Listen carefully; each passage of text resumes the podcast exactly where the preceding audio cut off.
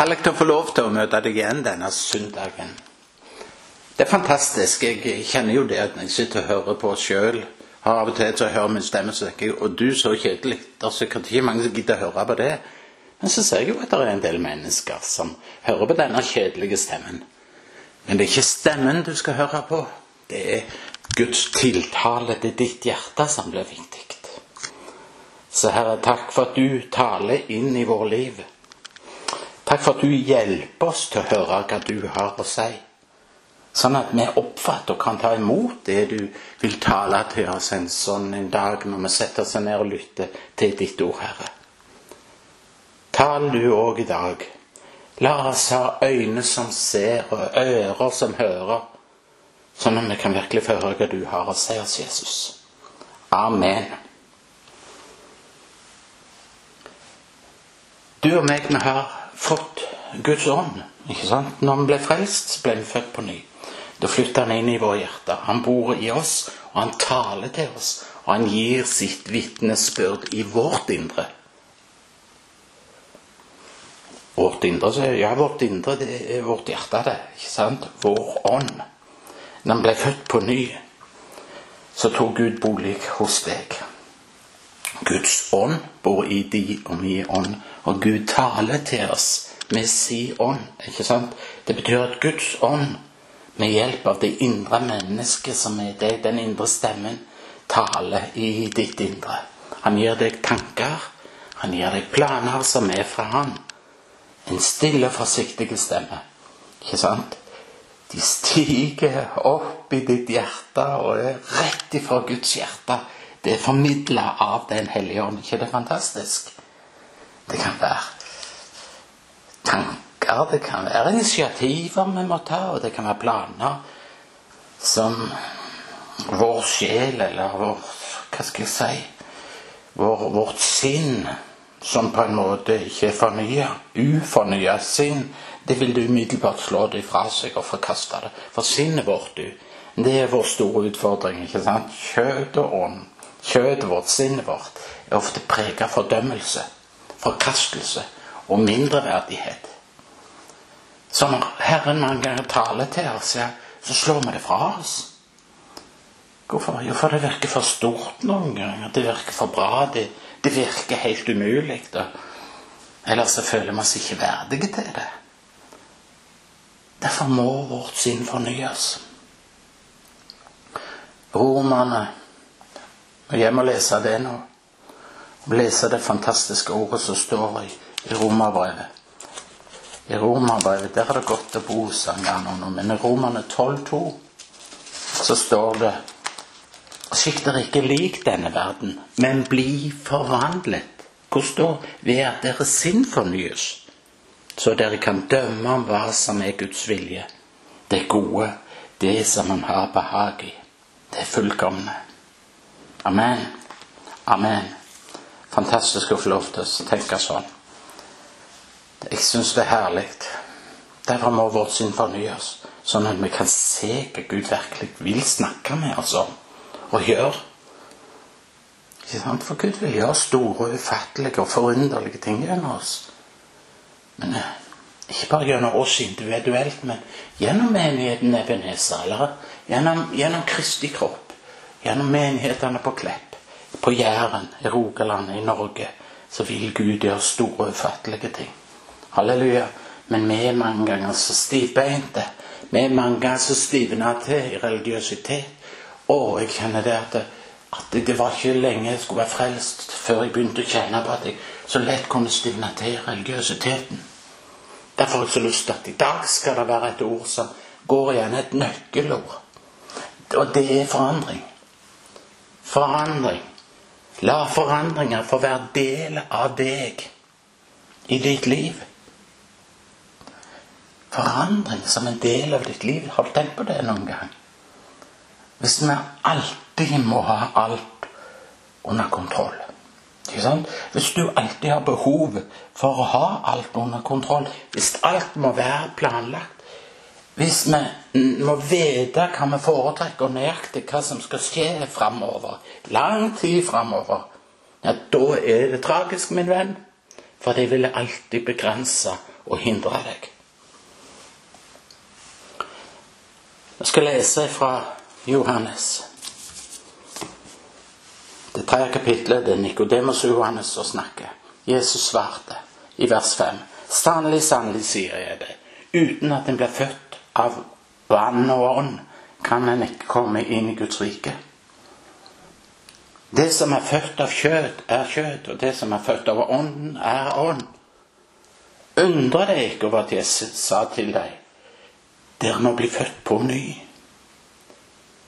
Vinden blåser dit den vil, du hører den suser, men du vet ikke hvor den kommer fra, eller hvor den farer hen.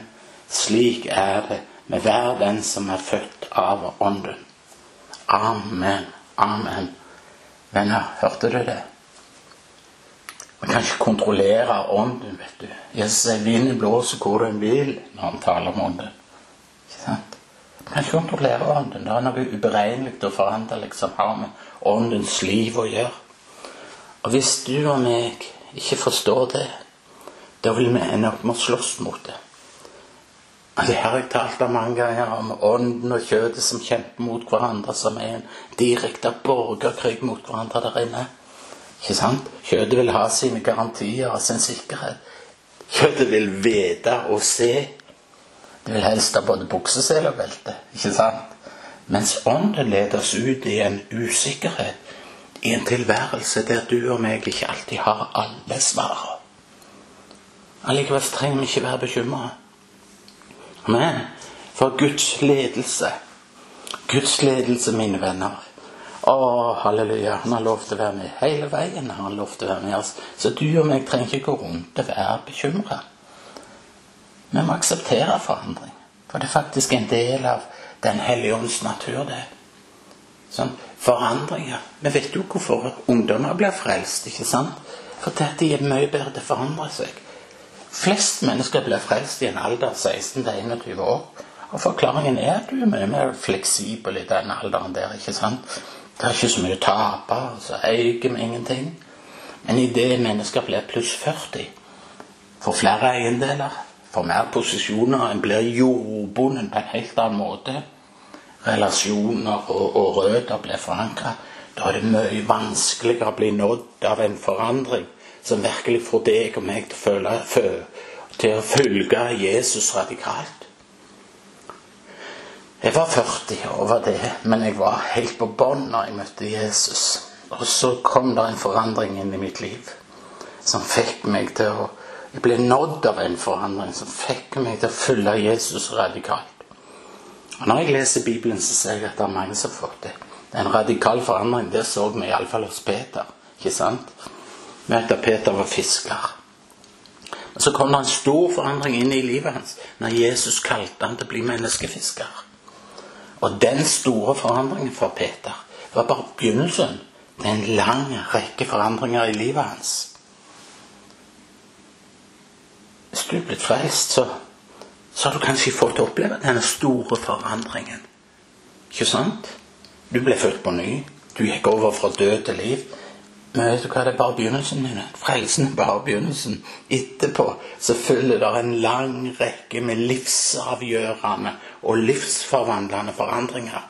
Gjennom hele livet i vandringen med Jesus så er det livsavgjørende, livsforvandlende forandringer. Det vil ikke ta slutt før vi en dag er hjemme. Hvis vi slutter å forandre oss, da tror jeg vi har stagnert i vårt åndelige liv. Kanskje det er sånn da når vi stagnerer, at vi, vi begynner å regne ting ut med vår forstand. Og vi så hvordan det gikk med Peter når han regnet ting ut med sin forstand. Det kan vi lese om. Det finnes mange eksempler på Peter. Ja, Og de andre disiplene òg, som gang på gang gjorde feil når de regna ting ut ifra sin forstand. Noen ganger så vil vi ikke ha forandring.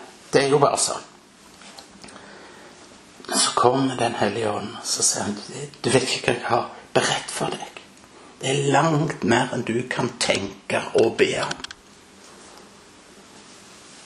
Da Peter spurte om sin framtid, ja, så svarte Jesus Jeg tror nesten vi må lese det òg, jeg. Det står i Johannes 21. Vi finner fram til det. Så står det i vers 18 og 19. Nå svarer Jesus Peter, sannelig, sannelig sier jeg deg, sier han. Da du var yngre, bandt du sjøl opp om deg og gikk dit du ville. Men når du blir gammel, skal du rekke ut dine hender, og en annen skal binde opp om deg og føre deg dit du ikke vil. Dette sa han for at han skulle gi til kjenne hva slags død han skulle ære Gud med. Da han hadde sagt dette, sa han, følg meg. Da du var yngre, bandt du sjøl opp om deg. Men når du er blitt gammel, skal du rekke dine hender, en annen skal binde om deg. Hm.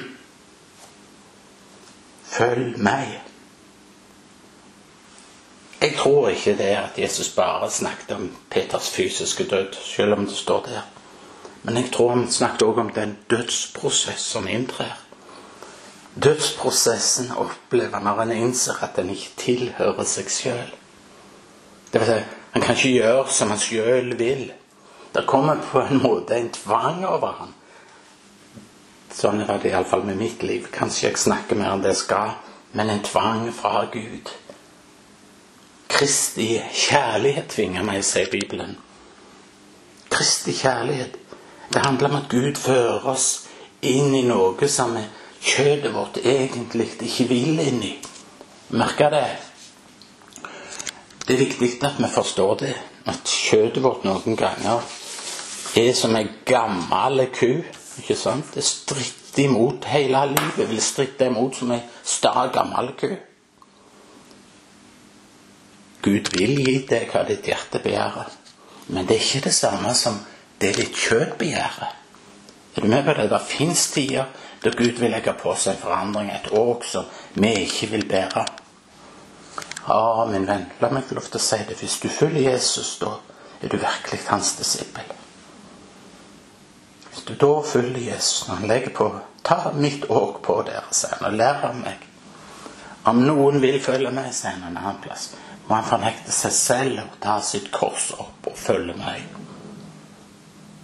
Amen. Amen. Vi vil følge Jesus. Jeg vil følge deg, sier jeg. Åh, mange ganger så står vi overfor situasjoner der vi blir helt rådville og ikke vet hva vi skal gjøre. Men da er det så fantastisk å vite dette, at Ånden kommer oss til hjelp i vår svakhet. Han kjenner Guds hjerte. Han vet om Guds planer. Han vet hva vei som er best for deg og meg, og hva oppgave som passer best. Derfor arbeider han med å beseire kjødets vilje i vårt liv. Det, det, det er åndens oppgave, det å beseire kjødets vilje i mitt liv, sånn at jeg blir føyeligere for Guds vilje. Du vet, vårt eget, mine egne tanker, f.eks. For Forestillinger, ambisjoner kommer mange ganger i veien. Så gjør at jeg ikke hører hva Ånden sier, og ikke lar meg glede av det. Så kan jeg rope, Herre, takk for at jeg har fått Den hellige ånd. Takk at gjennom Den hellige ånd så har jeg fått både evnen til å ta imot fra Han og Følge Han. Og så kan jeg få takke og prise for det. Halleluja. Det er fantastisk. La oss gå til videre til Peter. Der står man i, i apostelgjerningene 10. En utrolig forandring som skjedde med Peter. Her taler Herren i apostelgjerningene 10 fra det 9. verset utover om, om forandring. Herren taler til Peter. Og Peter sliter med å akseptere den forandringen. Når det ble senka ned dette teppet fra himmelen, så hadde Peter problemer med å se med forandringen. Og hvis Peter hadde problemer med forandring, så kan du være sikker på at både du og meg òg kan ha problemer med å forandre oss. Ikke sant? Når vi, når vi snakker om forandring, så snakker ikke bare om det å bytte bolig eller boplass eller miljø, bytte miljø. Det handler om ting i våre liv, mine venner. Det er her forandringen må være. Ting i vårt liv. Våre holdninger og våre motiver. Det var, det var Peters holdning Gud ville gjøre noe med i apostelgjerningene tid. Ikke sant? Og det er jo en mye dypere forandring enn en sånn lett fysisk forandring. Selvfølgelig kan forandring innebære at vi flytter eller har byttet arbeid. Men det kan likevel være det verste du gjør. ikke sant? For har vi problemer, så følger bare problemene med en annen plass. Men fortellingen om Peters syn viser Peter var moden for en forandring. Og jeg tror, når jeg tenker på Peter påsken Da hadde Peter etter sine tidligere nederlag fått et mykt hjerte. Han visste nå at det beste han kunne gjøre, var å frykte Herren og adlyde Ham. Det er mange som har måttet gå noen runder for å oppleve det. Når jeg tenker på Bibelen, så tenker jeg på Jakob. Jakob han kjempa med Gud en hel natt. Og Sånn kan du og meg oppleve at vi må kjempe med Guds kall. Kjempe med Guds vilje og forandringer av forskjellige slag. Jeg tror selv hos de prektigste av oss så, så, er det sånn at det kan reise seg en motstand mot Gud. Og så blir det bare åpenbart at det, det er frykt og selviskhet som styrer. Det er kjøttet som styrer. Det er på en måte en brytekamp med Gud, en kamp mellom ånd og kjøtt.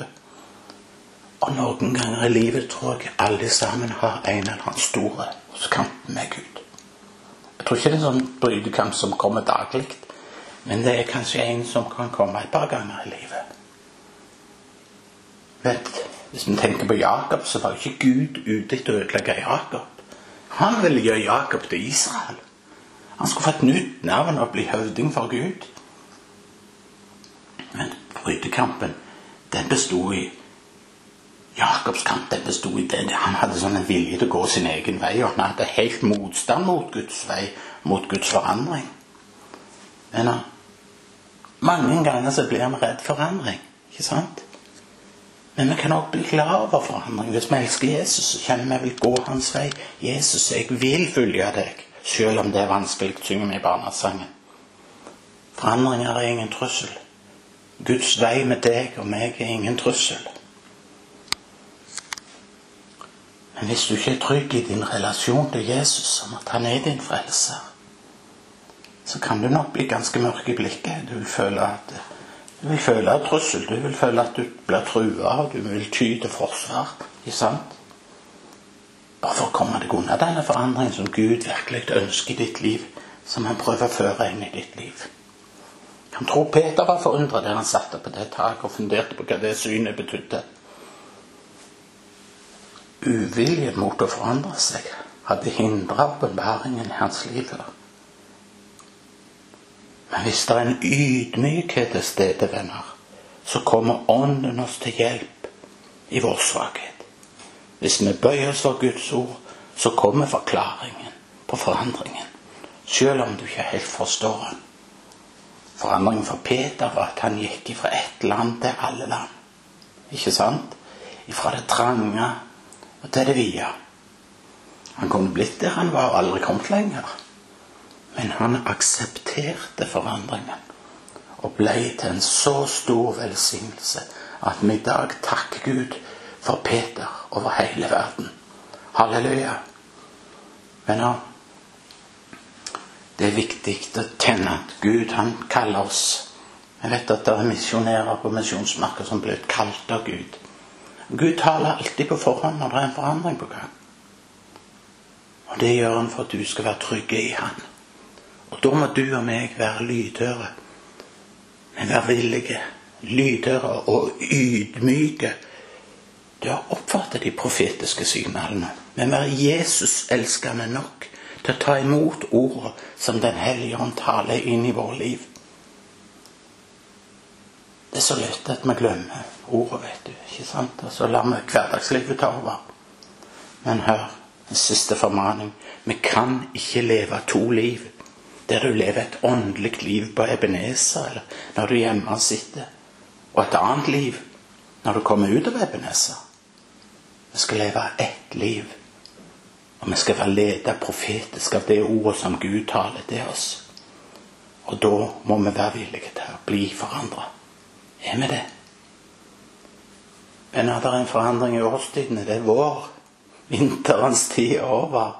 Kanskje vi skal kaste garnet ut på den andre sida og begynne et nytt fiske. For folk i Verdalen, folk på Klepp, folk på Jæren, folk i Norge trenger virkelig å få sitt Gud. Amen.